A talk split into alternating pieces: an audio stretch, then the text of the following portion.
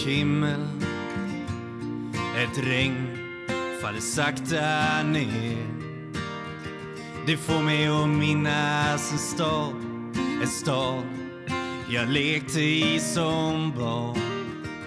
Grågrå människor i svarta, så svarta kläder.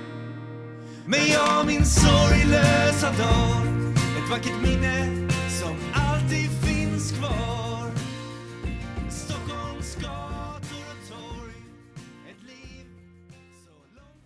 Hej och välkomna till ett nytt avsnitt av Beroendepodden. Beroendepodden är en podcast om alla olika sorters beroende, medberoende och psykisk ohälsa. Och jag som driver podden heter Anneli. Jätte, jätte, jätte välkommen till er som lyssnar och extra välkommen till dig som lyssnar för första gången. Under december månad så kommer jag släppa lite fler avsnitt och eh, det gör jag för att jag vet att det är en månad som kan vara extra jobbig för många. Så därför blir det extra många avsnitt så att ni känner att ni inte är själva, för det är ni inte. Utan vi är många och eh, som jag brukar säga, tillsammans är vi starka. Känner du att du behöver hjälp och stöd så gå in på hemsidan så finns det en flik som heter Hjälp att få.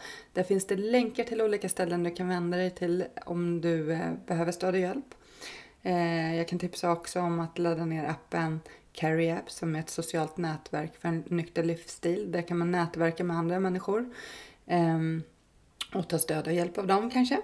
Tack alla er som hörde av er efter förra eh, veckans avsnitt där vi hade ett annat format.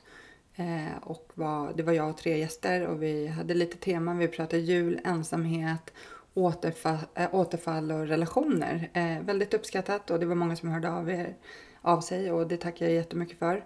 Fortsätt sprida podden på sociala medier, eh, Instagram och Facebook. Det betyder jättemycket att podden sprids. Så fortsätt med det.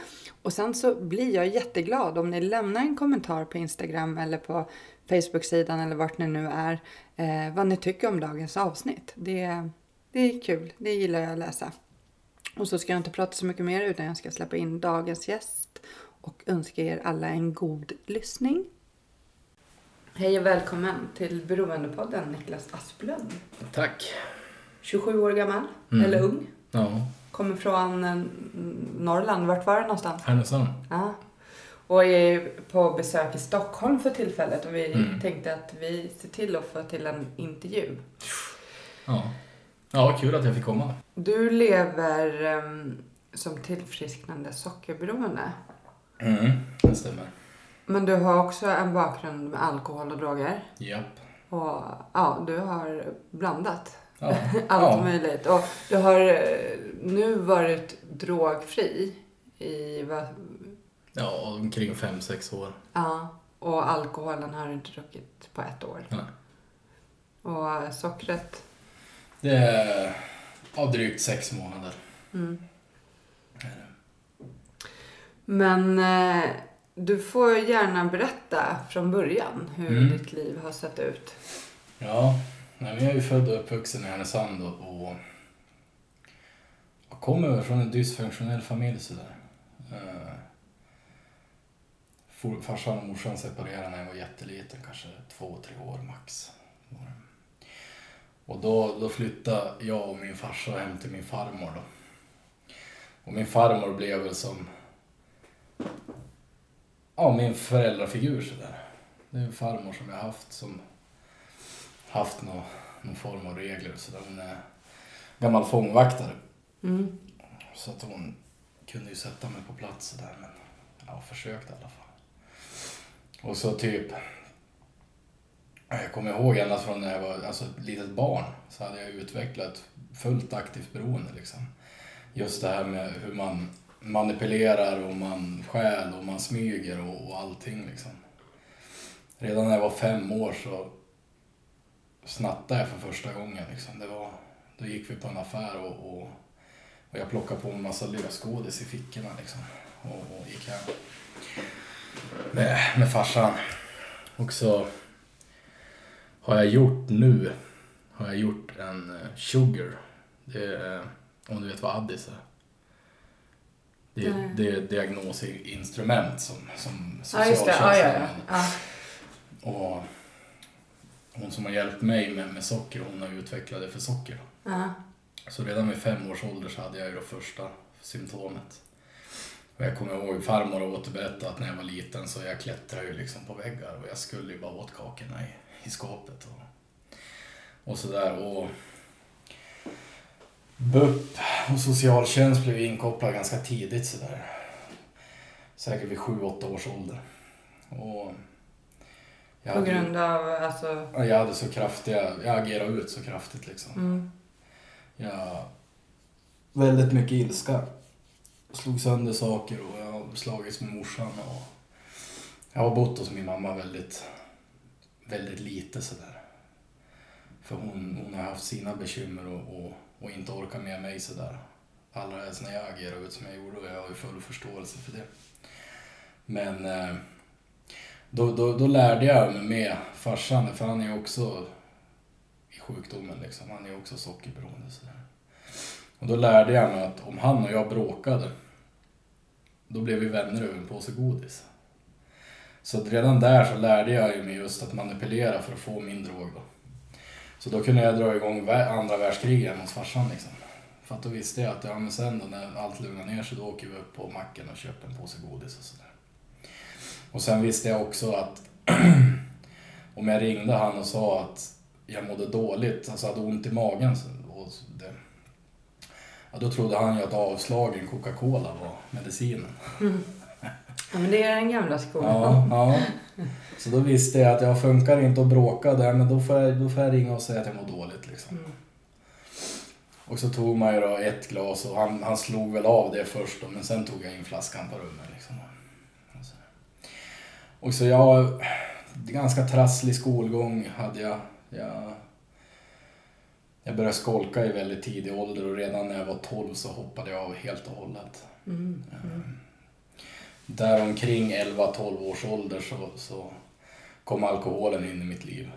Eh, då fick jag och några, några polare som också var väldigt rebelliska eh, tag på en äldre kille som tillverkade mäsk hemma. Så då, då gick vi ut på helgerna, för jag hade ju inga regler sådär. Utan jag kunde ju vara ute och springa bäst jag ville. Så då var vi ute på både fredag och lördag och, och, och drack mäsk och Fanta. Då och var ute på stan och härjade och sådär. Men sen så tror jag, nu sådär i efteråt så såg min farmor det så att vi hade det väldigt knapert ekonomiskt både morsan och farsan sådär. Men farmor hon, hon hade ju riktigt jobb. hade hon. Så då tog hon sig råd och köpte mig min första dator. Mm. Och det var väl ganska mycket min räddning. För då försvann jag in i ett skärmberoende istället. Då, liksom. då, då, då var det det som gällde. Så då, då, då, då driftade jag iväg ifrån alla de där äh, rebellerna och började isolera mig mer och mer. Och då var det ju liksom bara sitta hemma och spela dator och, och, och äta skit liksom. Var det fram till, ja, vid 17 års ålder så åkte jag på behandling. Gjorde jag. På ett HVB-hem. Men ja, fram till dess så var det ju bara att sitta och äta och spela. Mm. Och jag kommer ihåg det att läkarna hade sagt någon gång vid- till, till, till min morsa, jag vet inte om de hade sagt det till henne eller om det var hennes sätt för att försöka få mig att ta mig ur sådär. Men hon sa det att det var när jag var 15 ungefär. Att ja, men läkarna säger att du har fem år kvar att leva. Om du fortsätter som du gör liksom. För jag höll ju på att äta igen. Alltså jag var ju kraftigt överviktig. Jag tror vid 15 års ålder vägde jag runt 160 kilo liksom. Mm. Och, och i, i och med det att jag alltid har varit rund sådär så har jag även... Jag kommer ihåg, jag hamnade i mitt första slagsmål när jag var sex år gammal, i sex år på skolan. För att då var det någon äldre som skulle sätta dit mig och mobba mig. Och kalla mig köttbulle också. Flög jag på han sådär och jag dängde upp han. Och där så föddes det något... Jag vet inte. Jag fick väl bekräftelse på på, jag vet inte, makt kanske. Makt. För att då märkte jag att folk blev rädda för mig. Så det var ju mitt sätt att skydda mig. Och då lärde jag mig det att ja men slår jag då, då blir det tyst. Då får jag vara i fred. Så så såg ju min skolgång ut att för folk ska ju alltid utmana. Mm. Så är det ju. Allra helst när de hör att ja men han ska du absolut inte reta. Men då måste de ju testa. Och när, även när jag hade hoppat av skolan där i, i, i sjätte klass så kommer jag ihåg det att jag åkte ju till skolan för att någon hade sagt någonting om mig. Och då gick jag till skolan för att dänga upp dem. Eller annan anledning att jag gick till skolan, det var om det var god mat. Mm. Det var liksom... Annars så klev jag alltid upp vid 11-12 tiden på dagen och ringde min far och sa ja tjena, kommer du hem med, med någon lunch eller? Då åkte han alltid på någon dagens restaurang och tog hem en matlåda. Om det var dålig mat på skolan. Annars gick jag dit och käkade och gick hem igen. Mm. Men ja, alkoholen fanns väl även där vid 14-15 års ålder. Så där. Nu var det, I och med att jag hade fritt hemma så mina polare som fortsatte att vara rebeller, även fast jag drog mig undan till datorn, de ville ju komma hem till mig och festa och sådär för att det var ju fritt fram. Så då, då, då var det väl kvar sådär men men i alla fall då vid 17 då åkte jag ju på en behandling som jag tycker själv mest var bara någon form av förvaring. Sådär. Men behandlingen var liksom mot att du åt eller drack eller vilken... eh, Ja, det var, Eller det var för allt. hela situationen Mm. jag säga. Min, det var min morsa som slogs hårt för det. Mm. Först så slogs hon i att jag skulle bli fosterhemplacerad. Men det vägrade ju farsan liksom. Så att de fick inte igenom det. Men till slut, då, så jag vet inte hur, men då fick morsan igenom en behandling. Då. Och då var jag där uppe i, i nio månader. Och jag kommer ihåg jag gjorde en pikt, om du vet vad det är. Nej. Det är där, där man kollar upp kriminella tankemönster. Mm. Mm. Och när jag kom dit så då hade jag, om, om vi tar en skala 1 på 10, ja då kanske jag hade 2-3 på den skalan.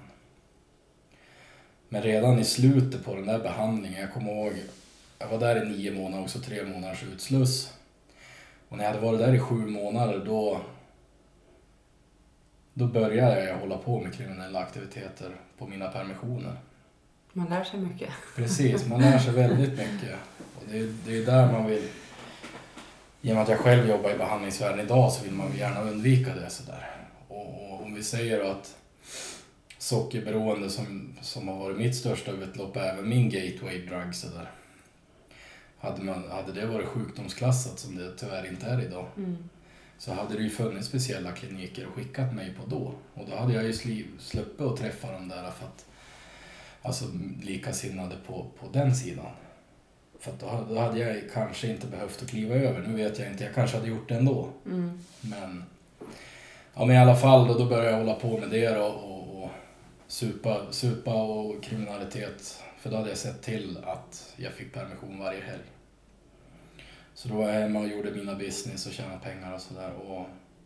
Sen så kom jag ut på någon utsluss då. Och då, då var det planerat med skola. Och då, då skickade de mig till Härnösands folkhögskola. Och så skulle jag bo på elevhemmet där. Men det vägrade jag. För att det var bara ett litet rum liksom. Jag, jag kände att jag fick klaustrofobi bara att gå in där. Så då... Där idag med kunskapen jag har idag så gjorde ju farsan fel men då, de ringde ju han och sa det, du tar inte hem Niklas. Och då sa han, inte fan tänker jag förbjuda min son att komma hem. Så då flyttade jag hem till farsan igen och då fick ju behandlingshem och socialtjänsten och allt sådär jobba om och då fick, jag, då fick jag till slut en egen lägenhet precis nedanför skolan. Men där bodde jag i en och en halv vecka och sen blev jag vräkt då. Så att, för vi, vi festade ju på hårt där och det slutade med att idag så vet jag att jag hade en granne där som jag har misshandlat tidigare. Så att han satt ju och ringde störningsjouren på mig hela tiden. Förmodligen för att ge igen då. Mm. Och så var störningsjouren så dum en kväll när jag hade fest. Så då sa han, ja bara så du vet det är han som ringer. Så då gick ju vi över där och skulle bryta upp dörren och gå in och klippa den killen då. Så att det, det slutade med att polisen och allting kom så där. Så att ja, det var väl inte så lång lägenhet. Så där, men då flyttade jag hem till farsan igen då och gick någon motivationskurs där på folkhögskolan. Och det gick ju ut då på att man skulle bara få rutin. Men mycket mer än så var det ju inte utan vi, vi satt och spelade Uno hela dagarna och snackade skit. Och det var ju likasinnade där också. Så att, I mitt fall så var ju inte det bra och jag sa till behandlingshemmet att ska jag väl börja skolan då vill jag göra någon nytta. Då vill jag studera och, och få upp mina betyg. Jag tänker inte sitta där och kasta bort min tid. Men nej, du ska gå den. Så att, ja, men då gjorde jag det och sen då, då började jag på allmän kurs då. I ett år där och då, då var det ju mycket festande och, och sådär. Men någonstans så blev jag hotad och blev utkastad. Och då, då, då klev jag i. Så att jag gjorde ett sjukt bra halvår där, sista halvåret där. Men sen då var det sommarlov och då var det tillbaka till mycket festande och då kom ju även drogerna in i bilden. Eh, Då var jag på någon fest också, kommer jag ihåg. Jag har en barndomsvän som ja, man har sett upp till för att han var den här coola killen liksom. Alla var livrädda för han och han, han langade droger och han var, ja men den där liksom macho-killen. Och då gick jag upp och skulle säga åt dem att ja, men vi drar på krogen. Och då, då satt de och passade runt en, en, en joint då. Och så hamnade jag ju i den ringen så då blev det att jag blev passad den och då tänkte jag fan jag kan inte se ut som en mes här liksom. Ja men jag tar nog bloss så passar jag vidare. Och där och då, då, då, då kände jag väl liksom ja vad fan om man ju testar det här då kan man testa det igen liksom. Och så hade jag en polare, en, en barndomsvän som, som var fullt aktivt, eh, fullt aktiv narkoman då. Så han, han kom hem till mig och hade med sig något. Ja, men det här är dundergrejer. Så då, då, då, då rullade vi upp en joint och gick iväg och rökte den. Jag kommer ihåg de där första gångerna än idag, alltså just vi fick sån djävulsk garvnoja. Mm. Och det var ju så jävla roligt liksom. Ja, än idag så har jag ganska svårt att skratta faktiskt. Men där så kunde man ju skratta. Jag kommer ihåg farsan kom in och sa, jag har du slarvat bort reservnyckeln nu? Och då hade jag precis druckit så då sprutade jag dricka över hela hand liksom. Och där, där och då fastnade jag ju. Och, och i och med mitt primära utlopp, sockerberoende, så gjorde ju gräset det ännu bättre. På grund av manchisen. Så då blev det att jag torskade dit jävligt hårt på det. För att då kunde jag ju kombinera två tillsammans och blev bättre helt enkelt. Så kunde jag dämpa mina känslor ännu starkare. Ja, för det, det, jag har inte velat avbryta dig för jag ville höra allt du säger. Ja. Men hur har du liksom mått under hela, hela livet från det du var liten? Jävligt dåligt. Ja, mycket ångest Ja, från start liksom. ja. Mm. Jag, jag kommer inte ihåg, jag kan inte sätta ord på exakta känslor jag har haft men jag förstår idag att all ilska jag har haft det, det har ju varit att jag har mått dåligt liksom. Det har ju varit något som inte har stått rätt till sådär. Så har jag agerat ut i ilska istället för att sätta mig och grina. Så att i grund och botten har jag varit väldigt ledsen. Mm. Men vi, vi, vi killar och män har ju en tendens att hålla inne tårarna och slå istället. Mm. Det är ju tyvärr så. Mm. Och så är jag än idag. Jag har locket på än idag. Men jag jobbar ju på, på att släppa på locket. Men eh, ja, ja men då blev det väl en halvlång karriär i det och det är så, det är så, jag tänkte på det senast igår att det är sånt himla sjukt kretslopp jag var inne i just sådär. Ja, det är väl narcissistiskt beteende egentligen men då rökte jag och åt upp mig i vikt och blev jättetjock. Och sen kom jag in i en träningsperiod och träningsnarkoman. Då bytte jag utlopp till det och då gick det så långt så jag började ta amfetaminer för att kunna kontrollera min kost och, och inte äta och banta och, och träna stenhårt liksom. Och jag var även inne på anabola steroider för att maximera. När jag väl hade gått ner i vikt så skulle jag ta anabola för att bli stor och ja men Arnold och, och de här grabbarna var ju förebilder. Så. Och det är just den där extremheten hela tiden som, som jag har haft. Och jag har alltid tänkt, vad fan är det för fel på mig? Varför kan jag inte göra någonting bara 70 procent? Varför måste det alltid vara 150 procent in i kaklet liksom? Och det, det, ja, det, det, det beroendepersonligheten, han är sjuk alltså. Mm. Verkligen. Men i det där då, då, då trillade jag ju på en, ännu tyngre droger och, och fortsatte där ett tag. Men det var ju fortfarande just i, i narkotikavärlden så var det ju haschet och gräset som var det absolut favoriten. Även fast jag tog mycket annat så var det ju alltid det jag höll mig till. Kontinuerligt och jag drog in en, en, en annan barndomsvän i det där. Och vi blev ju liksom, han var ju lika skev som mig när han väl klev på så att vi, vi, vi var väl påtända dygnet runt i stort sett i flera månader. Sen ringer han en dag och säger tjena, hur, hur, hur är det? Nej, hörru du, jag, är- jag är inlagd på psyk. Jaha, ja, vad fan är det nu då?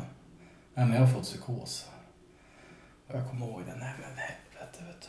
För att då, då hade jag sett en annan snubbe som var aktiv som, som hade psykos och jag tänkte jävlar det där är mäktiga grejer alltså. Fy fan att få det alltså, då är det slut. Och genom att han var min bästa vän så började jag väl vakna till där. Och såg hans konsekvens. För att han blev ju helt... Jag, jag kunde komma hem till han och han satt med folie runt huvudet. Och jag bara, vad fan håller du på med? För jag var ju fortfarande ganska okej i huvudet så här. Nej men du vet, folie stoppar tankarna från att lämna huvudet. Jag, jag måste kontrollera mina tankar, satt han så här. Men- men- Nej men herregud, du måste ju lägga in det igen liksom. Du, du behöver fortfarande hjälp för att de släppte ju ut honom ganska fort och det där är ju ganska tragiskt med, med, med psykiatriska vården idag. Har ett annat hemskt exempel också, men det, det kan vi spara. Men, men eh, ja, och då, då, då, då började jag väl trappa ner mitt drogberoende sådär. Och jag kommer ihåg just i det där slutet så då, då hade ju drogerna tagit över sockerberoendet helt och hållet. För att då lärde jag mig att, eller jag fick för mig, men just att när du äter när du är hög, då går rus ur fortare. Mm. Så då slutade jag äta för att hålla kvar ruset. Så att där så hade jag ju utvecklat då att drogerna var starkare än sockret. Men sen när jag klev av det, då, blev det ju, då gick jag ju tillbaka till socker och sen så kunde jag trilla tillbaka in på drogerna och så for jag sådär i ett halvår, år sådär och sen så då åkte jag dit och, och tappade körkortet på, på ja, en drograttfylla och narkotikabrott. Och där då, då, då yrkade de på ett års fängelse på mig. Och jag kommer ihåg att min farmor sa det, att skulle jag få fängelse någon gång, då är vår relation över. För att hon skulle, hon sa inte det, att hon inte skulle kunna hantera det. Men jag förstår ju att hon skulle inte kunna göra det genom att hon har jobbat där själv.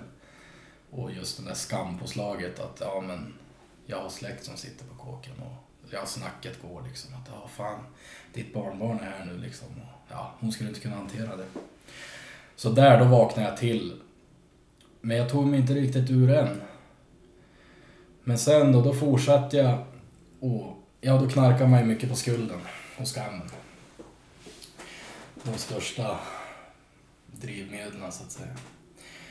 Men sen då, då, då började mitt psyke att krackelera helt och hållet. Eh, till slut kraschade jag totalt och gick, gick ner mig i en fruktansvärt djup depression. Eh, och det gick ju så långt så att jag skrev ju till och med ett avskedsbrev och tänkte avsluta liksom. För att jag mådde så fruktansvärt dåligt. Och jag var ju i stor kontakt med psykiatrin då, var jag. Eh, men de hade ju inte plats att lägga in mig, men annars hade jag nog blivit inlagd liksom. Kommer ihåg jag kunde ringa min farmor klockan tre på natten för att jag hade vaknat med panikångest och sa fan jag, jag känner att jag skulle vilja gå ut och gå en promenad men jag vågar inte. För att jag kommer hoppa från en bro liksom. Men någonstans så var det någonting som sa åt mig att nej, men gå ut och gå en promenad och lugna ner det. Och det är ju hälsosamt. Men någonstans så var det just att det kom någon rädsla att då kommer jag hoppa när jag Mm. går förbi bron liksom. Men eh, ja, de behandlade ju mig med antidepressiva och så fick jag benzo utskrivet. och återföll rejält i, i sockret. Men där och då slutade jag med drogerna. Eh, men återföll väldigt djupt i drogerna, eller i, i sockret. Isolerade mig fruktansvärt kraftigt. Klarade inte av att gå på affären själv, ingenting. Utan jag betalade folk för att då hade jag det så pass bra, om man ska säga så, så jag var sjukskriven så att jag fick ju pengar ifrån Försäkringskassan. Så jag hade ju väldigt, jag hade ungefär 12 000 i månaden och jag kan ju säga att varje månad när jag fick nya pengar så hade jag inte en krona kvar utan jag hade ätit upp 12 000 varje månad. Mm. Köpte inga kläder, ingenting utan jag åt upp 12 000 kronor i månaden. Och en vanlig dag för mig då, det såg väl ut som att Ja, jag vaknade, nej jag hade ju väldigt trassligt dygn sådär för att jag isolerade mig bakom datorn. Men om vi säger att jag hade normal dygnsrutin typ. Ja, men då, då beställde jag först då en eh, extra stor pizza vid lunch. Hade fått några no, no, no, no bullar och kakor och godis som jag hade fått som jag åt på eftermiddagen. Kvällen då beställde jag alltid en alltså en maffig pizza med liksom kebab, kyckling, dressing, pommes frites. Det var ju liksom allt i ett och det var ju, ja, fan en familjepizza för en vanlig människa. Och en två liters cola. Och sen såg jag alltid till att ha ett stash hemma, precis som alla andra beroenden. Liksom. Så hade man ett stash hemma, men jag kunde tyvärr inte hålla det utan jag åt upp allt på en gång. Jag kommer ihåg, alltså än idag att man pratar ju mycket om, om det här med blackouts. Mm. Och det, det får du även på socker alltså. För jag kommer ihåg att när jag väl kunde ta mig på affären då, då, då kunde jag köpa typ, ja men då tänkte jag stasha upp så här. Så jag kunde köpa då ett paket massariner, ett paket chokladbollar, två chipspåsar, tre, fyra drickor, någon chokladkaka och någon, ja, gelégodis. Och så kommer jag hem, slår igång en film på datorn. Och sen sätter jag mig bara i min stol och sen, då är det svart. Sen vaknar jag upp kanske efter 45 minuter, en timme. Och, och liksom tar på alla påsar. Vad fan, allt är slut. Har inget minne. Utan då har jag vräkt i mig allt det där som en vanlig hälsosam Svensson skulle äta på två månader. Då har jag tryckt i mig på en timme liksom. Och... Nej, det, det, det, det är sjukt det där. Så. Och ja, jag gick ju upp så pass kraftigt i vikt så jag tror jag toppade runt 180 kilo och hade allvarliga problem med, med, med, med blodtrycket. Mm. Så att jag kommer ihåg, det var midsommar för två år sedan, då trodde jag faktiskt att jag skulle dö. Eh, För att då, då vaknade jag med en så pass kraftig huvudvärk, alltså det kändes som att, ja men en bakishuvudvärk gånger tio alltså. Jag kunde inte ens gå, så jävla ont i huvudet hade jag. Och, och, och då hade jag precis börjat med blodtrycksmedicin så då tänkte jag, ja men ja, drogpersonligheten, ja men ta en till. Så då, då smällde jag i mig en till och sen la jag mig och försökte vila ett tag och sen så smällde jag i mig en till. För jag tänkte, ja, men det är högt nu, då sänker jag ner det med att trycka i mig massa tabletter. Liksom. Och till slut så ringer jag upp 1177 då och så förklarar mina symptom och sådär och de bara, vi skickar en ambulans. Och jag bara, nej ni skickar ingen jävla ambulans. Tjurig vet du. Ensam är stark som man tror. Så jag ringer upp min farmor, ja du måste skjutsa in mig på akuten, det här går inte liksom. De, de vill skicka en ambulans men... Och då blev jag jätterädd. Jag kommer ihåg det. Då hade jag faktiskt gråten på halsen även fast locket var på sådär. Jag var, jag var livrädd då. Och kommer in där och, och åker iväg på en brits sådär. Och då hade jag väl 210 genom 120 eller någonting i Mm. blodtryck. Och jag kommer ihåg hur de tittade på mig alla läkare sådär. Att det kändes som att de tänkte att det är klippt, det är kört liksom. Så jag låg ju där livrädd och tänkte att ja, nu kommer jag dö liksom. Och, men nu gjorde jag inte det utan till slut så lyckades de få ner mitt, mitt tryck och, och puls och allting liksom. Så att då fick jag komma hem men det var ju under den där perioden så var jag ju på akuten varannan månad kanske. Och det, jag hade hemska problem med njursten. Fick jag. Så jag fick njurstensanfall ganska ofta. Jag fick åka in för det och sen annars var det blodtryck och Jag kommer ihåg jag kunde få typ som att när jag, när jag stod upp eller gick så var det som att jag stannade upp så här och kunde inte röra mig och det började bubbla i hjärtat kändes det som. Det var som att det började bubbla och ja, det var en hemskt obehaglig behaglig känsla. Eh, Men jag fortsatte ju och, och, och åt och förra vintern så åkte jag upp och jobbade på ett jobb för jag tänkte då en geografisk flytt och dra ifrån stan. Mm. Och det, det är jag inne på än idag och det är för att jag vill starta om på ny kula, att folk får lära känna mig för den jag är idag. För att jag träffade en tjej en gång som kom ifrån från Göteborg och tyckte om henne jättemycket. Men då träffade hon en kille som har känt vem jag var och sa att ja, men du kan inte umgås med han, han är ju psykopat, han är ju knarkare och bla bla bla. Och till slut så blev det att hon försvann men det, då är det ju också att då var det ju inte den rätta sådär. Men jag är, jag är trött på det där att jag är dömd för mitt, för mitt gamla jag. Så att jag vill ju flytta ifrån Härnösand. Det är ju en liten stad så att det är Ankeborg. Mm. Alla känner alla. Men eh, i alla fall, då, då, då drog jag upp dit till mellan Arvidsjaur och Arvids, eh, Arjeplog. Jobbade jag på ett hotell nattid.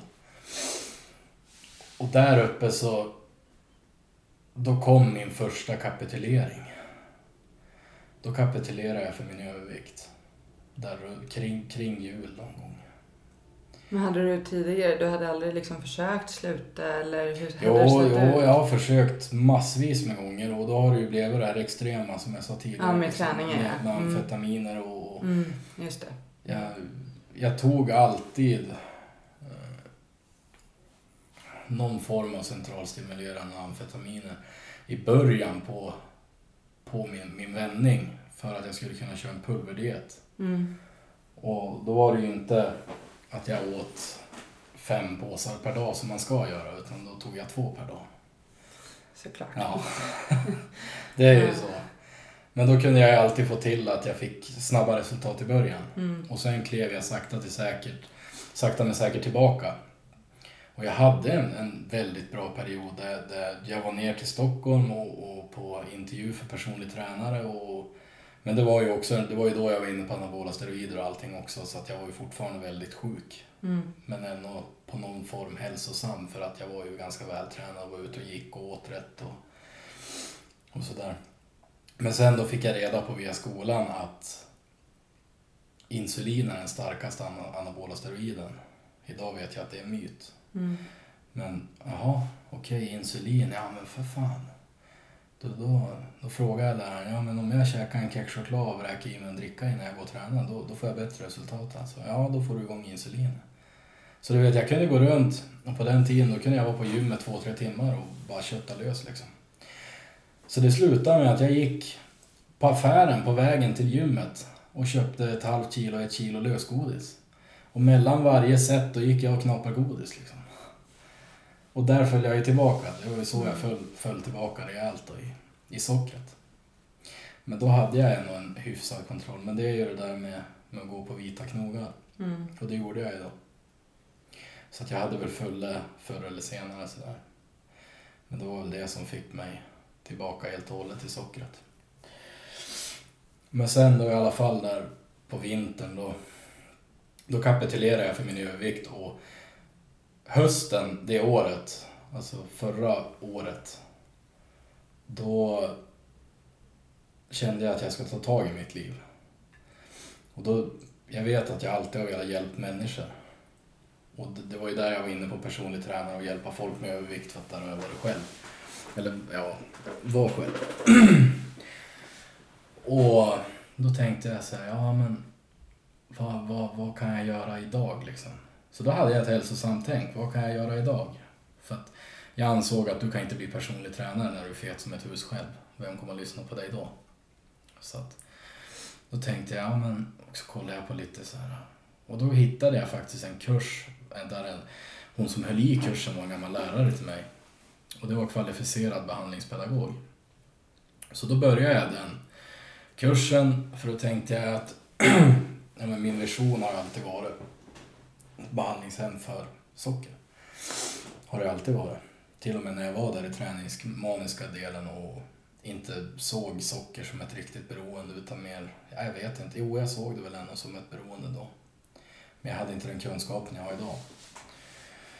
Och ja, började plugga där, fick fruktansvärt mycket insikter om mig själv och, och började förstå mig på att men det, är inget, det är inget fel på mig. Utan jag, jag är beroende. Det är det jag är liksom. Det, det är därför jag inte kan göra någonting normalt. Utan, och på den tiden så, i det där att, ja, jag är väldigt osammanhängande känner jag, men där när jag gick ner mig eh, psykiskt, där, när jag var mycket med psykiatrin och sådär.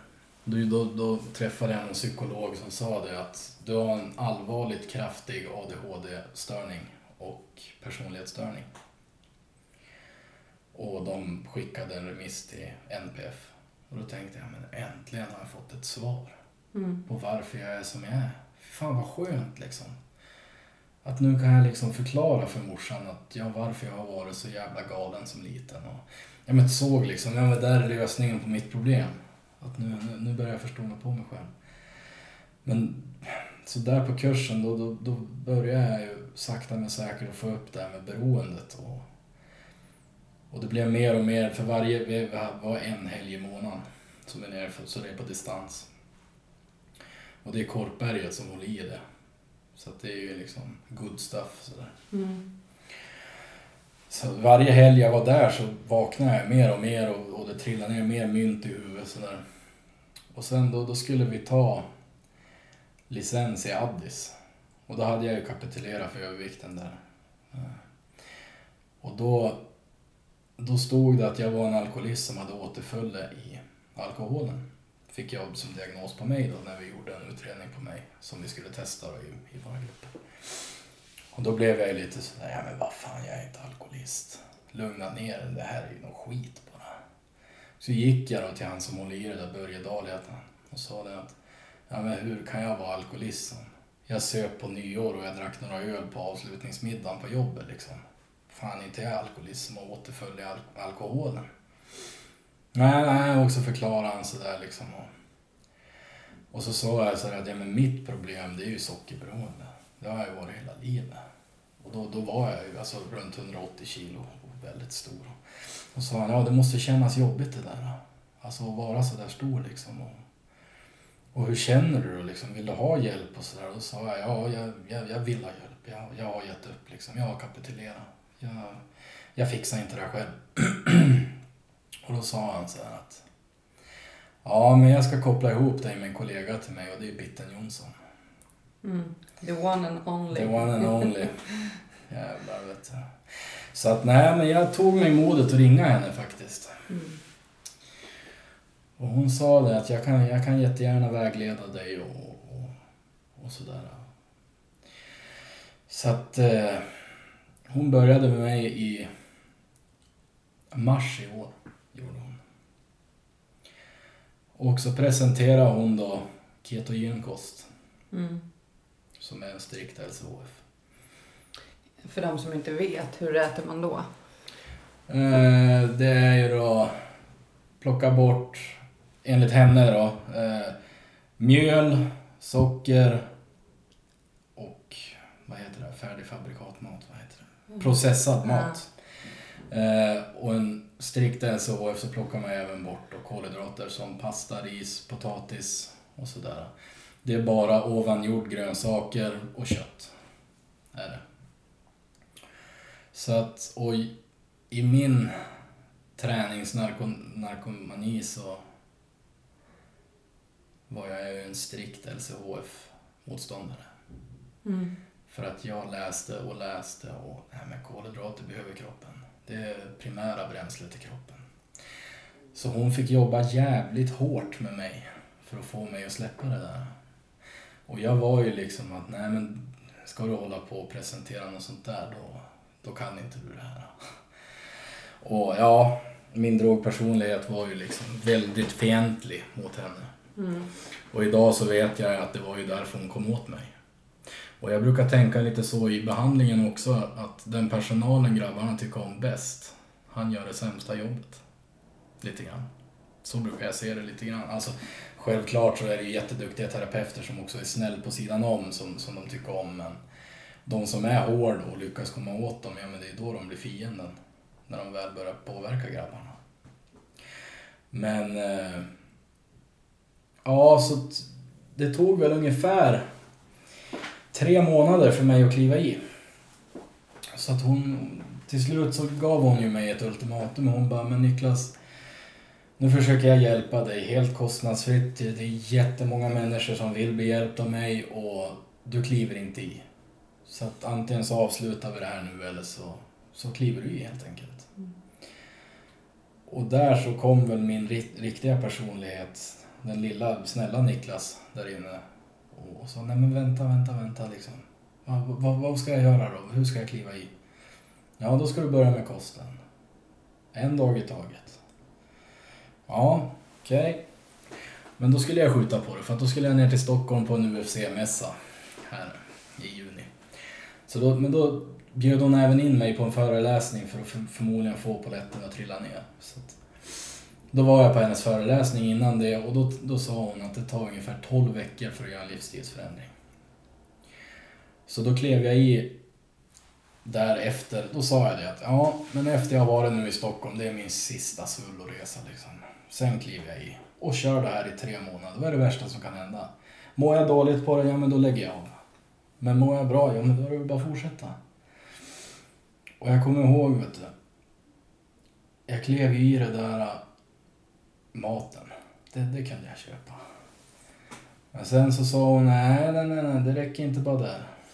Utan du ska kliva in i gemenskapen också. Gå på tolvstegsmöten.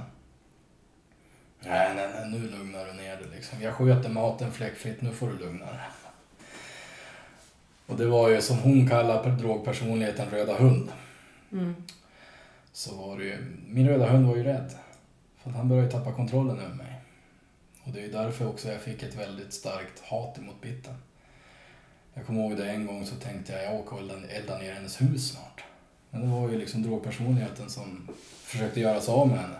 Och han försökte alla medel. Jag kommer ihåg, jag ringde varenda människa runt omkring mig och sa, ja men den här människan är inte riktigt klok. Alltså, det går inte att hålla på så här. Nej men det här funkar inte för mig, det här är inget för mig liksom. Och hon, hon fick bråka väldigt länge också med det där med att, att gå på möten. Mm. Men till slut så sa hon det att en riktig känga liksom att du håller på att utbilda dig till, till kvalificerad behandlare. Du ska in på behandlingshem. Du kan lika gärna hoppa av din utbildning. För att är inte du vill och gör resan själv, då är det ingen mening att du jobbar med det. Och jag bara, men vad fan säger du? Liksom. Då, då gick ju rebellen igång i mig liksom. Och bara, nej men nu, nu, nu, nu är hon ute och cyklar liksom. Så där kan man inte säga. Så där skulle jag aldrig säga till några av mina klienter. Och, men sen då sa hon så här att nu avslutar vi det här Niklas. Jag, jag har haft tillräckligt med tålamod med dig och jag orkar inte tjafsa med din röda hund längre. Det, det är inte därför jag jobbar med dig. Jag, jag tänker inte, för varenda möte så att jag bara tjafsar emot mot henne. Liksom. Och där så blev det också väl, en stor väckarklocka också för att då, då var det verkligen att hon klipper nu. Och då blev jag livrädd.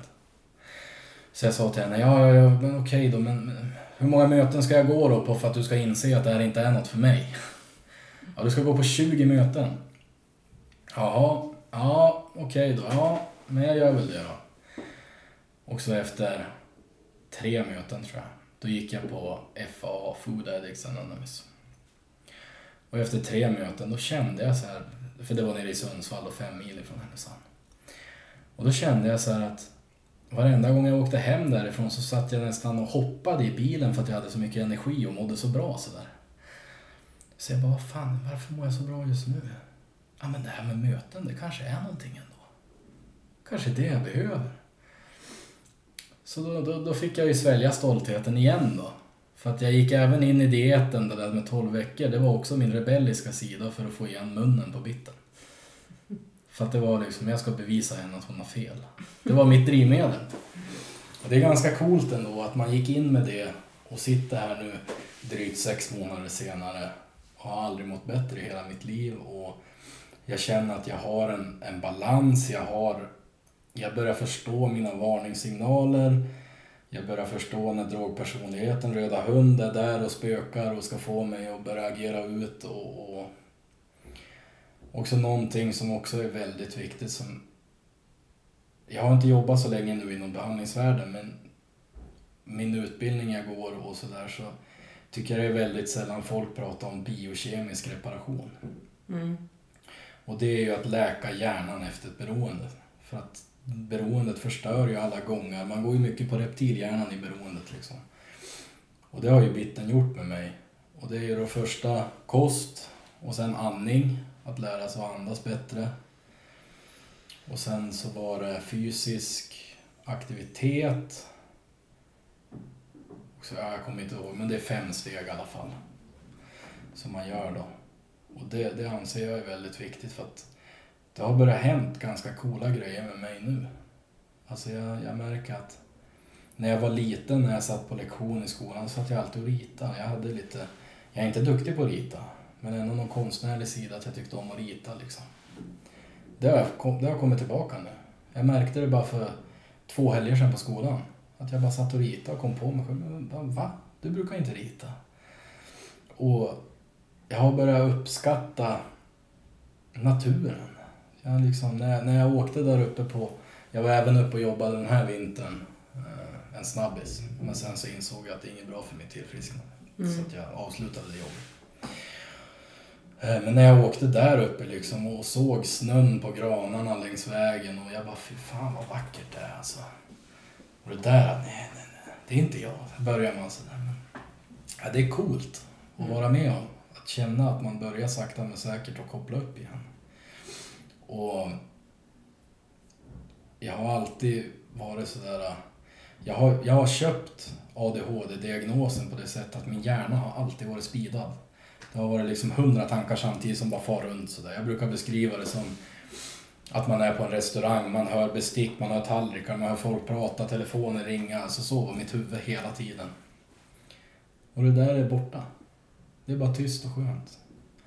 Ungefär som jag, som jag blev när jag tog droger. Det är liksom bara tyst och harmoni och lugn liksom. Mm. Så, äh, det är riktigt, riktigt tufft sådär. Är det. Så att, ja, nej men det är väl ganska mycket av min historia, men den blev väl lite osammanhängande, men ja. Men väldigt tydlig hur, hur man är som beroende Ja. människa, hur många människor kan vara och att just sockerberoende kan ju vara det första men att man kanske inte förstår det Precis. själv liksom Ja. så.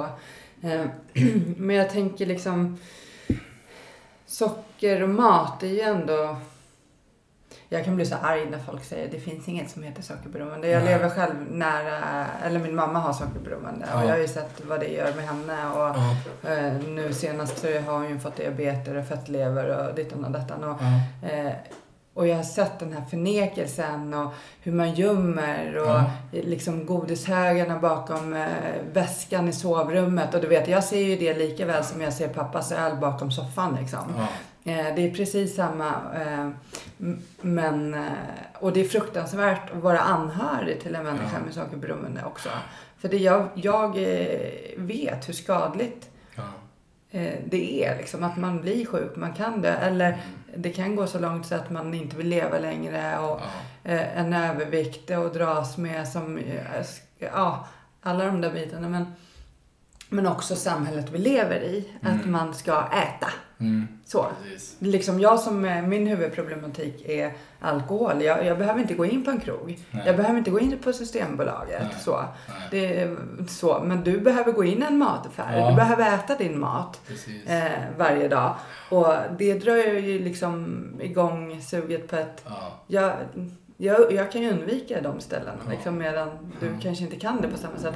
Så jag antar, jag antar att du har kanske en riktig plan hur, och kanske så här, eh, triggers och vad ska du Mm. akta dig för situationer eller liksom ja.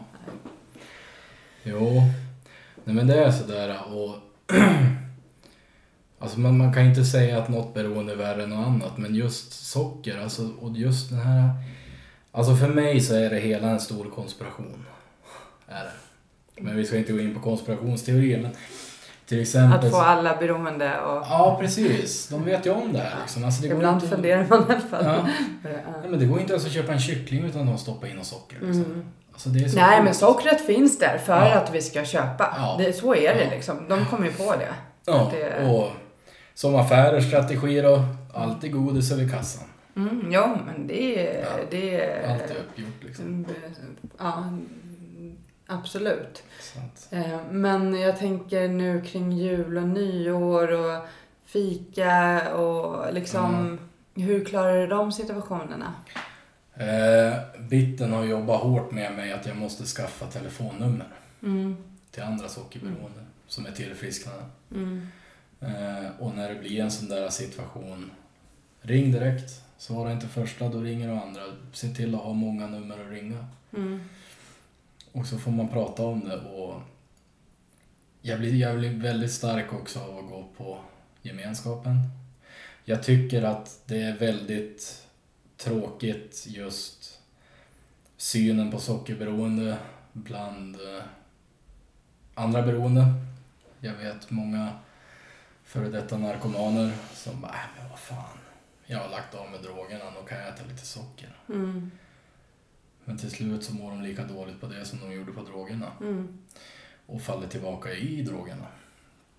Så att jag tycker det, det, det, är en tråkig bild och, och en oseriös bild av sockerberoende. Och jag läste nu i skolan Att släppa taget, har du läst den? Nej. Det, det, är en- det är en handbok för alkoholbehandlare. Mm. Och där såg jag ju likheten med vart vi står i sockerberoende idag med alkoholisten förut. Innan alkoholismen var sjukdomsklassad.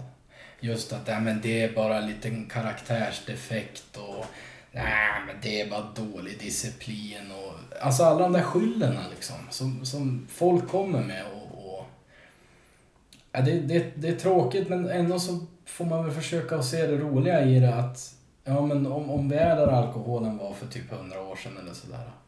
Ja men då är det ju någonting på gång för att alkoholen har blivit sjukdomsklassat så det, det är väl på väg ditåt. Mm. Men jag tycker det, det är lite tråkigt att det inte tas på allvar. Mm. För att jag har själv min far idag som är allvarligt sockerberoende och han kan ha ett sockervärde på 25 när han har varit hos läkaren. På vägen hem då åker han och köper en ostkrokspåse och en två liters cola och smäller i sig när han kommer hem. Alltså det är ju bara en tidsfråga innan det smäller. Mm. Och nu så har ju bukspottkörteln gett upp och, och Ja, kroppen eh, Ja. lägger av till Ja, slut. Så, ja. eh, jo, jag tycker också det är fruktans, en fruktansvärd sjukdom beroende, eh, sockerberoende och just eh, liksom eh, hur jag har stått som anhörig och Ja. se förnekelsen. Och jag kommer ihåg vid ett tillfälle då mamma, hon hade käkat en, hon är väldigt duktig på att äta så bra kost. Ja, Eh, eh, men eh, så vi kan ta en sallad när vi är på stan. Vi umgås mycket jag och min mamma. Och Ja. sen kan hon eh, typ trycka i sig en eh, jättestor glass och en bulle och dittan och dattan på vägen hem. Och sen när vi kom hem, hon bara Gud vad jag har varit duktig idag. Jag har bara ätit sallad. Jag bara, ja, ja fast den där glassen och bullen och de där tre KitKat och eh, det är liksom som om hon har glömt bort det. ja, men det är ju den där Det- blackouten. Ja, det är så här. Det existerar inte. Ja, och nej och sen här. Och hon, hon lever nykter. Hon har inte druckit alkohol på 11 år. Och det har inte... För henne var det inte så svårt att sluta med alkoholen. Men det förstår jag. För att Ja. det är inte hennes huvudproblematik. Nej, Så hon har ju fortsatt med maten liksom. Ja, Och, och jag vet andra som kämpar med maten. ja, Och tycker det är, det är som nu, nu när du kom hit. Jag hade kaffe och te. Det är det jag brukar ha att bjuda på. Det kanske är Ja. skittråkigt. Så här, jag skulle gärna vilja ha Ja. annat att bjuda på. Men Ja. jag vet aldrig vem som kommer innanför mina dörrar. Det, eh, och jag vill inte utsätta den personen för frestelse. Vart vi än är så ska det ju vara fika. Och det ska vara socker, Ja, det ska vara ja. vete och det Ja. ska vara liksom så här. Ja. Eh, och hela det där måste man, jag tycker att man måste börja ta hänsyn till Mm. de som är sockerberoende. För att eh, en liten kaka kan du väl ta. Fast eh, du tar den där kakan och sen går du hem och så äter du dig sjuk liksom. Och kanske drar igång ett långt... ja. Man Så. vet aldrig vart det slutar liksom. Nej. Eh, Jag, jag, brukar, jag brukar se sockerberoende, just om man, om man tar en narkoman, det brukar vara en ganska snabb död. mm. Det beroendet. Alltså Mm. det, man dör ganska fort av en överdos. Alltså i ganska unga åldrar brukar det vara. Men sockerberoende, det är en väldigt långsam, plågsam död. Mm. Det slutar ju med att delar av kroppen stänger av sakta men säkert liksom. Mm. Och det, det, det sker ju inte så här. Utan det, det sker ju, och det, äh, jag tycker det är hemskt vet du, att... Äh, jag, jag kommer att kriga hårt och det är väl därför jag är här idag också. För förhoppningsvis så blir det ju eh, klassat som Ja. sjukdom snart. Ja. Hoppas jag verkligen. Ja, jag För att jag vet att det är det och du vet att det är Ja. det. Och det är ju eh, bara en tidsfråga. Mm. Och Bitten är ju den bästa Jo. inom det. Hon är ju den som har startat upp det här liksom. Och, och till de som lyssnar som är sockerberoende, för det är ju många som är det som lyssnar, då kan man ju rekommendera hennes bok, eh, Sockerbomben. 3.0. Ja, eh, Ja. ja just det, hon har släppt en eh, tredje version, Mm. uppdatering. Jajamän. Och det är ju... Hon utbildar även sockerterapeuter Mm, eh, som hon kan hänvisa till. mm, Hon har en grupp på Facebook, Sockerbomben i din hjärna, mm, som man kan gå med i med, med likasinnade. Och, Men där är det just som du säger att det här med att ha andra eh, med samma beroende runt sig är jätteviktigt. Och det är det ju, alltså jag tror att vi människor, vi behöver andra människor. Alltså ja. som, som förstår och som kan eh, stötta. Just det här, ehm, jag vet att när jag var nynykter så var jag på en fest och bara fick värsta paniken liksom, för det var alkohol där och så. Mm. Då gick jag in på, låste in mig på toan och ringde liksom en annan nykter alkoholist och pratade och sen fixade jag den kvällen. Det var, liksom, det var någonting som hände, det här samtalet med en annan Ja. beroende som gör Mm. så att man klarar det så på något sätt. Och det är jätteviktigt att Alltså vi har ju så många lager, eh, som man säger, på den här röken som vi måste skala av. Och vi Ja, har ju liksom byggt precis. upp i så många år att vi ska skydda oss. Ja, Liksom. Och sen ska man helt plötsligt bli så sårbar och ja, våga visa vem man är när man knappt själv vet vem man är. Men där Precis. någonstans, det är ju det som öppnar upp för den här friheten också. Som vi vill åt. Ehm, och att eh, ta hjälp av varandra. Det är superviktigt. Och det är superbra att det finns eh, tolvstegsgemenskaper. För, Ja. eh, vad, vad heter det? F? Ja. FAA. Mm, sen finns det väl andra också. Jag vet inte. OA Ja, finns det också. Mm, jag tror jag har länkar på hemsidan faktiskt. Annars kan jag Mm. lägga in det. Eh, men, men också behandlingar och Ja. sockerberoende terapeuter. Eller? Ja. Ja, men det det går, man, går man till vanlig sjukvård så säger de att du måste gå ner i vikt. Nej, no shit, det vet jag. Mm. Men hur då? Nej, men, nej, men ät mindre och rör på dig mer. Kontrollera maten. Ja, precis. Men, och, Det går ju inte. Jag fick ju ett samtal för jag har en kompis vars dotter har varit sockerberoende från start. Alltså man har Ja. sett liksom hur eh, hon är nästan jämngammal med min son och jag har ju Ja. följt hennes resa eh, från det hon föddes och det har ju varit helt galet vilket Ja. förhållande hon haft med maten. Man har Ja. sett att det är någonting som händer henne när hon Ja. äter. Ja. Och allt, allt kretsade kring mat från start liksom. Eh, hon har ju det här eh, ja, suget som kommer. Så. Ja. Men, men så vet jag där när hon blev lite äldre och så ringde mamman mig och bara, ah, nu har hon fått gått till en dietist. Och jag bara, dietist? Ja. För eh, vad jag förstår det som så, då ska vi lära oss att äta lagom mycket. Precis. Eh, men det funkar ju inte på ens eh, sockerberoende för du eh, varje gång du äter din, eh, det som triggar dig så Ja. kommer det ju liksom bara dra igång i hjärnan och så Precis. går det ut för. Och det är också därför så här, Viktväktarna och Mm. de här, det, det funkar på vissa människor. Ja, som men, inte är beroende. De har bara en överviktsproblematik. Ja, Ja. men eh, jag vet ju mm, när mamma gick på Viktväktarna, för då räknar man ju points och så får man äta det här och det här. Ja. Eh, man får äta allt men begränsat. Ja. Men det hon gjorde, det var ju att hon räknade och så la hon alla sina points på chokladbarsen. Ja. Så hon åt ju typ ingen mat utan hon köpte ju chokladbars och så åt hon ju dem då. Men så länge hon höll sig inom det här räcket. Ja. Men sen spårar det ju självklart alltid till slut. Men eh, Ja, så där är ju också dietister för att vad, vad är det som händer med en sockerberoende när den äter snabba kolhydrater? Det, det är ju att det kickar igång Ja. ett, ett mer begär. Liksom. Medan när du äter fett och protein så Ja. stimulerar ju det ditt mättnadshormon. Så Precis. det, det är ju saker som händer i kroppen. Att, Ja, eh, och det är därför man behöver undvika vissa ja, delar av liksom, kosten. Medan andra människor kan äta allt. Så går det ju inte för nej, dig och många som nej. är sockerberoende. Sen vet jag ju att många, jag vet ju inte hur det är för dig, men eh, många triggar ju igång på laktos också. Ja. På sockret i det. Det är Och överäter Ja, liksom. Eh, så det, dels måste man ju ja, lära sig kring kosten. Och, Men mm. sen är ju inte, att bara ändra kosten är ju inte, alltså du måste ju ta tag i allt liksom. Ja. Som du säger, hitta den här, äh, ja. alla de här verktygen.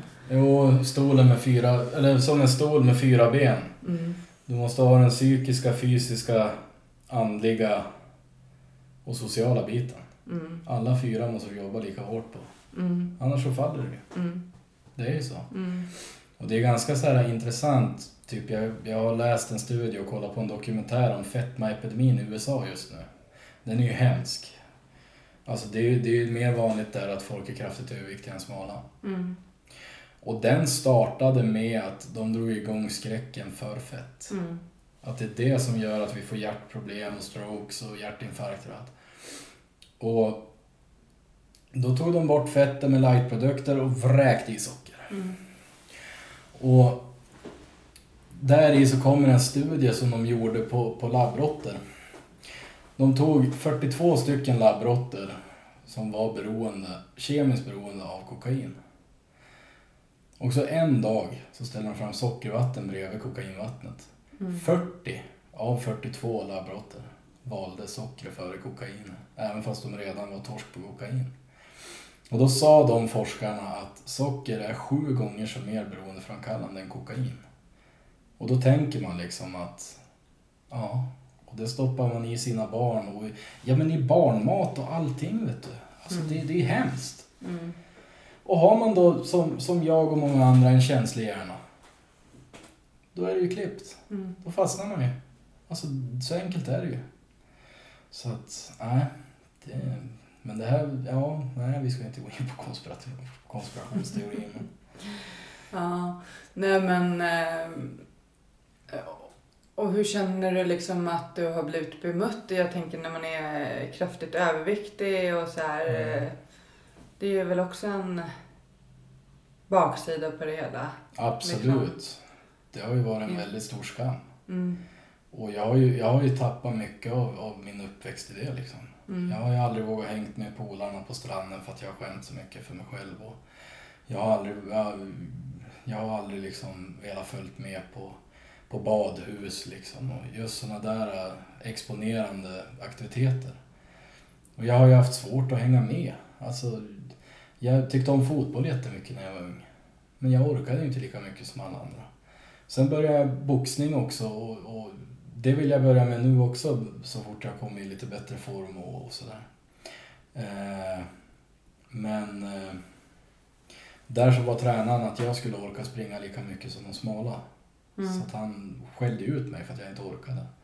Så då blev det, nej men då, då lägger man ju av som, som ett barn liksom.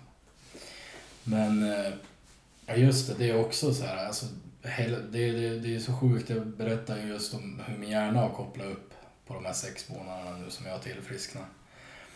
Men det är ju också så mycket andra hälsofaktorer som är så vansinnigt roliga. Det är ju till exempel blodtrycket. De, de kämpar ju stenhårt för att få ner mitt blodtryck med medicinering. Men det spelade ingen roll hur mycket medicin de än petade i mig så fick de aldrig ner övertrycket under 140. Det låg alltid över 140. Mm. Nu idag, så nu när jag hade sex månader så var jag inne och både vägde mig och tog trycket. Så nu ligger jag på ett blodtryck på 129 genom 89 och har inte medicinerat mig på två månader. Grymt. Det är ju sjukt alltså. Mm. Och på det så har jag även tappat 44 kilo vikt på sex månader. Mm. Så att det, det är väldigt, väldigt roligt alltså. Mm. Att man får så mycket. Men de, de, största, de största vinsterna det är ju att jag har funnit som något inre lugn att jag mår bra. Jag, jag har skrivit till bitten att "Ah, herregud, jag har aldrig mått så här bra i hela mitt liv alltså. Och, och jag har varit så extremt tacksam till henne. Hon har sagt det, ja du får vara jättetacksam men sätt mig inte på pedestal. Det är du som har gjort jobbet. Ja. Men ja, hon är lite på en pedestal ändå, det Mm. måste jag säga. Hon har eh, hjälpt så mycket människor. Hon är en Ja. fantastisk kvinna. Jajamän. Eh, så nu väntar jag bara på att få med henne i podden. Jag har ju haft kontakt med henne vid flera tillfällen men vi Ja. har aldrig lyckats få till det. Okej. Sådär, för hon har ju väldigt mycket. Ja, och Ehm. så är hon ju pensionär nu också. Mm. Så att, Jag ja. får väl ta med min inspelningsapparat och åka till henne. Ja, jag får göra det. Så, Jag pratade faktiskt med henne innan jag skulle hit, nu mm. i morse. För jag var lite nervös där. Jag tänkte, ja men fan. För det är ju det är ju lätt att man tar på sig den där extremheten att ja, men jag skulle komma hit som någon professor och, och lära ut allting om socker liksom. Nej. Men det är ju min life story jag ska berätta. Mm. Och där, där fick ju bitten lugna ner mig lite. Mm. Att ja, men du ska inte dit och föreläsa, du ska berätta om ditt liv. Lugna ner dig liksom. Ja, ja okej. Ja. Jag lyssnar på dig. Men hur ser det ut med tv eh, dataspelandet och sånt nu då? Är det liksom balans på det också? Känner Ja. Mm. För att det, det känner jag att en, den, en av de största vinsterna jag har fått idag, eller jag har ju fått jättemycket, men det är ju den här, alltså jag förstår ju hur jag funkar. Ja, Så ibland gör man ju saker lite för mycket. Det gör jag Precis. fortfarande, men man kan se det ja, och också reflektera kring det. Varför gör jag det? Är det en Ja. flykt eller är det för att jag faktiskt vill göra det här för tillfället? Och hela ja, de där bitarna. Och, och märker man att det är något destruktivt så går det ju att bryta rätt så snabbt. precis. Genom att lyfta luren och ringa en Mm. medmänniska eller gå på ett möte och dela om det. Så. Precis. Ärlighet är ju våga berätta så. Eller så kan man ju hålla på och gegga i det där ett tag tills det gör tillräckligt ont. Ja, Så att man vänder och ja. gör rätt. Det är ju... Om jag har ett exempel om det där nu bara för, för en månad sedan ungefär. Bitten har ju varit stenhård med mig på det här också. Mm. Inled ingen relation de två första åren. Utan, Två? Ja. Okej. Mm. Skaffa en stabil grund att stå på. Ingen terapi heller. Mm. För att det, är, det är ganska många som vill köra terapi med mig. Mm. Genom att jag jobbar i behandlingsvärlden så är de ju där och vill peta. Och hon är ju stenhård på det där liksom. Men då genom att jag gått ner i vikt och så tog jag kontakt med en tjej. Eh, Och eh, ja, jag var och träffade henne en helg efter skolan. Innan jag skulle åka upp dit till hotellet och jobba. Och du vet, det drog ju igång så fruktansvärt i mig. Mm. Det var som på något sätt att hon bekräftade min drogpersonlighet. Därför hon, hon, även när jag var aktiv så hade jag kontakt med henne men sen så tappade vi kontakten. Och det var liksom, ja men då kom både alkoholen in i bilden och, och, och även då och sex. Och då, då, då gick ju drogpersonligheten igång på fullt varv för då är det två droger samtidigt. Och jag visste att, eller då försökte drogpersonligheten just att manipulera mig, ja men får du dricka då får du ligga också. Du kan Mm. inte ligga utan att dricka liksom. För att jag har inte varit, varit i så många sexuella relationer nykter. Så då, då kom ju det igång och det drog igång så fruktansvärt vet du. Så åkte jag upp dit till hotellet och jobbade också. Stod jag i baren när de serverade upp en rom och cola vet du. Mm. Ja, det var nära. Det var fruktansvärt nära. Då fick bitten jobba akut. För det, det pratade vi om i förra avsnittet och vi hade tema var fler som satt och snackade just relationer och sex och så här. För att det, Ja. Det är också någonting som folk, man slutar med sin huvuddrog men så kanske man börjar nätdejta och så kliver Ja. man rakt in i det Precis. och triggas igång av den här bekräftelsen och det blir Ja. en kick och en drog i sig och sex och Ja. relationer och så. Så Ja. det är, jag tror att också att det är jättebra att ge det ett tag. Att få jobba med sig själv innan. Om man är singel när man blir drogfri så är det bra att fortsätta vara det. Eh, jag, jag körde på det själv liksom att Ja. där, fokusera på min nykterhet. Och, och sen vet jag att, eh, men då sa man ett år och sen efter 10-11 månader så var jag på min första dejt. Självklart med en dysfunktionell man då. då. ja. Eh, Men det drog ju igång massa grejer i mig liksom. Ja. Så jag hade säkert behövt, nu, nu gick det ju bra ändå men Mm. det är sånt som kan göra så att man kliver ut Ja, igen ja. också. Absolut. Eller så går man in i ett nytt beroende. Så det är ju Ja. bra att man jobbar med sig själv och får de här, Ja, ja, får så mycket kunskap ja, som möjligt om hur man funkar liksom. precis. Så, Det är nyckeln till tillfrisknande skulle jag säga. ja. Kunskap om sig själv, hur man fungerar. Mm. För då kan man ju stoppa sig själv. Alltså man kan ju, man hinner innan, som man pratar om återfallskurvan, så är det ett återfall är ju inte när man tar upp flaskan. Utan återfall har ju börjat mycket tidigare. Mm. Och, och kan man då kliva in redan där, att man har den kunskapen att tidigare, att ja men till exempel nu som den här tjejen, Mm. förstod ju direkt. Men sen så fortsatte jag ju ändå och gick emot biten, men det var ju drogpersonligheten som skulle fortsätta liksom. Mm. Men som tur var så, så svarade hon inte längre. Utan hon, hon svarade ju alltså just på mess, men just den här bekräftelsen av drogpersonligheten och flörtandet, det försvann lite grann. Mm. Och det var ju väldigt tur det. För att då, då insåg jag att nej men nu klipper jag, nu räcker det liksom. Mm. Så att, nej men det det är just det där. Men vi har ju en droghjärna som vill droga. Så enkelt är det. Mm. Och sen om det är en tjej eller om det är ett gym eller om det är en flaska eller en spruta, det spelar ingen roll. Mm. Han ska hitta sätt att droga på. Mm. Det var ju precis nu som just det här med hotellet också. För att då har jag 100% studier, 100% på hotellet. Och då jobbar jag varannan vecka, så att vi jobbar 80 timmars vecka. Så är vi lediga en vecka. Mm. Och då tänkte jag, men då hoppar jag in på behandlingshem en vecka när jag är ledig. Och så kan jag plugga på natten när jag jobbar på hotellet. Och det är ju drogpersonligheten också liksom, just det där. Ingen balans, utan Nej. fullt ös rakt in i väggen. Men där, där så pratade jag med Bitten och hon bara, fan vad bra liksom. Mm. Jag har inte velat sagt någonting utan jag vill att du ska inse det här själv. För att det betyder att du sätter ditt tillfrisknande först. Och då, jag ringde upp henne och sa att det här funkar inte, jag måste dra liksom. Men hur kan jag göra det på ett snyggt sätt? För som beroende så är man ju van att stänga dörrar och vad heter det? förstöra för sig själv. Så att då, då, jag vill ju gärna ha dörren öppen till det där hotellet i framtiden ifall jag skulle behöva något jobb sådär. Men vanligtvis som beroende då är man ju van att säga tjena jag skiter i min uppsägningstid, hej då, jag drar. Mm. Det är ju så. Mm. Så att då fick jag prata lite med henne om hur jag ska lägga upp det snyggt. Då. Så, nej, men de, de förstod mig där uppe också.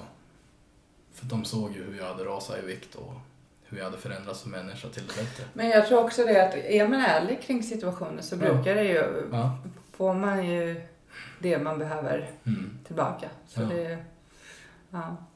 Men eh, Niklas, är det någonting du skulle vilja säga till lyssnarna innan vi avslutar? ja, det är väl...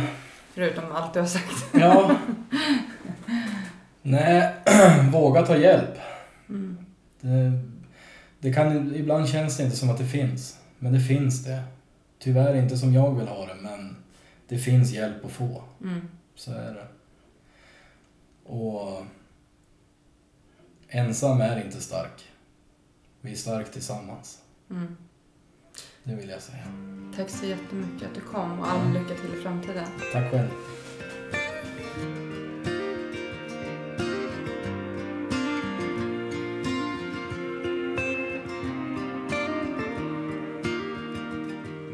Mörk himmel Ett regn faller sakta ner. Det får mig att minnas en stad En stad jag lekte i som barn. Grågrå människor i svarta, så svarta kläder.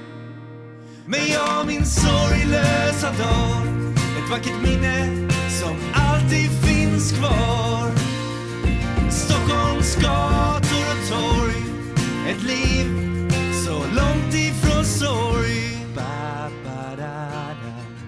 Ba, ba, da, da.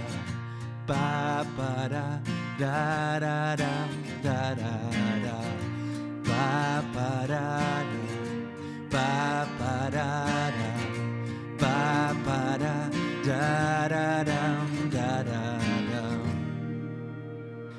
Dyster T-baneperrong typ Ett liv inrutat i betong. Stäng ut det andra med musik. Fokusera allt på att bli rik. Här finns en dyster atmosfär. Ett liv kretsat kring karriär.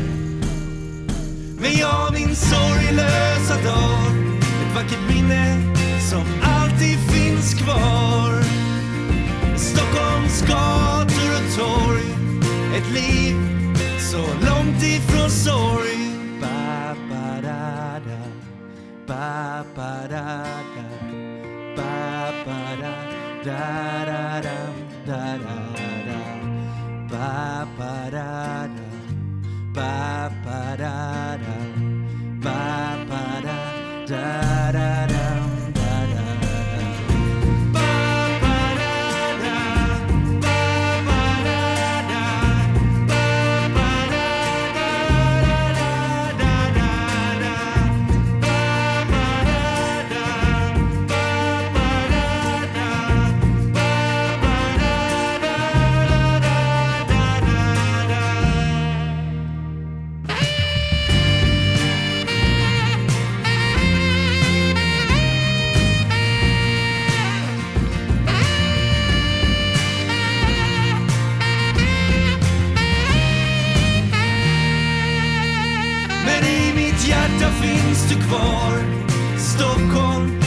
Finns